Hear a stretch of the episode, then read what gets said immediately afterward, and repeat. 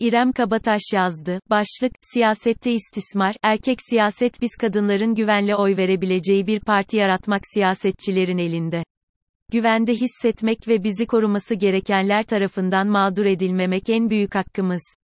Umarım kadınları koruyacağını söyleyen her parti gereğini yapar. Kadın hakları insan hakkıdır. Bunu dikkate almayan bir dış politika, insanlığın yarısının insanlık onurunu onun elinden alıyor demektir. Jack Holland kadın siyasetini sahalarda arttırmaya çalışırken her zaman önümüze çıkan bir nokta var o da erk siyaset. Maalesef seçmeni olduğum partide de fazlaca rastladığım ve beni üzen bir durum. Bu yüzden bu hafta bunun hakkında yazmak istedim. Kendi başıma gelen bir olaydan örnek verecek olursam evli ve erkek siyasetçilerin genç kızlara olan ilgisi çok fazla. Üstelik istedikleri olmayınca tehdit, zorlama ve iftira yoluna da gidebiliyorlar. Arkalarında erk siyasetin olduğunu bildikleri için kendi partilerindeki feminist gruplara bile nefret püskürtmekten geri kalmıyorlar.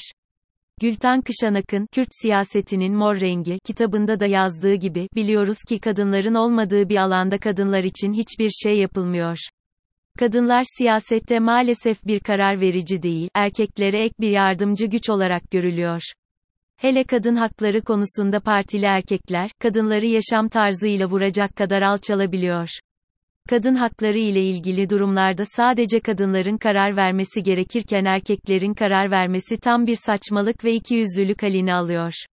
Erkekler siyasette, cinayette, tecavüzde her şekilde bir erkek dayanışması adı altında birbirlerini kolluyorlar. Kadınlar ise daha çok kenetlenmeleri gerekirken sistemi erkeklere bıraktıkları için haklı olsalar bile haksız konumuna düşebiliyor. Parti çıkarları adı altında kadınlar mağdur ediliyor ve sonra çıkıp feminist parti denebiliyor. AKP'li bir vekilin hizmetçisi 23 yaşındaki Nadira Kadirova'yı öldürme iddiasına herkes ses çıkardı. Dışarıdan kadın hakları savunucusu olan bir parti, kendi vekilleri daha küçük yaştaki kızlarla ilişki yaşayıp türlü manipülasyonlar uygularken basına yansımasın diye türlü çabalara giriyor. Bana kalırsa siyasetin parti fark etmeksizin erk olduğunun en büyük kanıtlarından biri de bu ikiyüzlü yaklaşımdır. Peki bu nasıl değişebilir? Biraz önce de yazdığım gibi kadın hakları ile ilgili konularda tek karar merciğinin kadınlar olması ilk maddelere eklenebilir.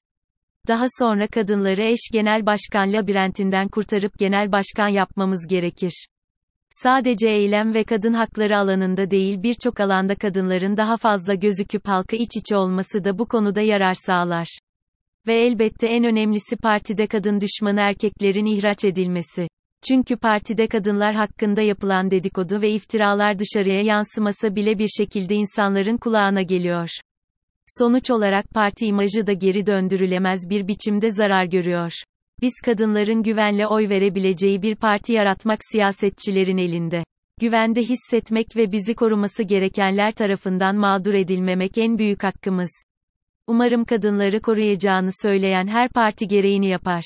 Ülke genelinde şiddete ve istismara uğrayan kadınların şikayetlerini ne şartlar altında zorla geri çektiği hepimizin malumu olan bir durum.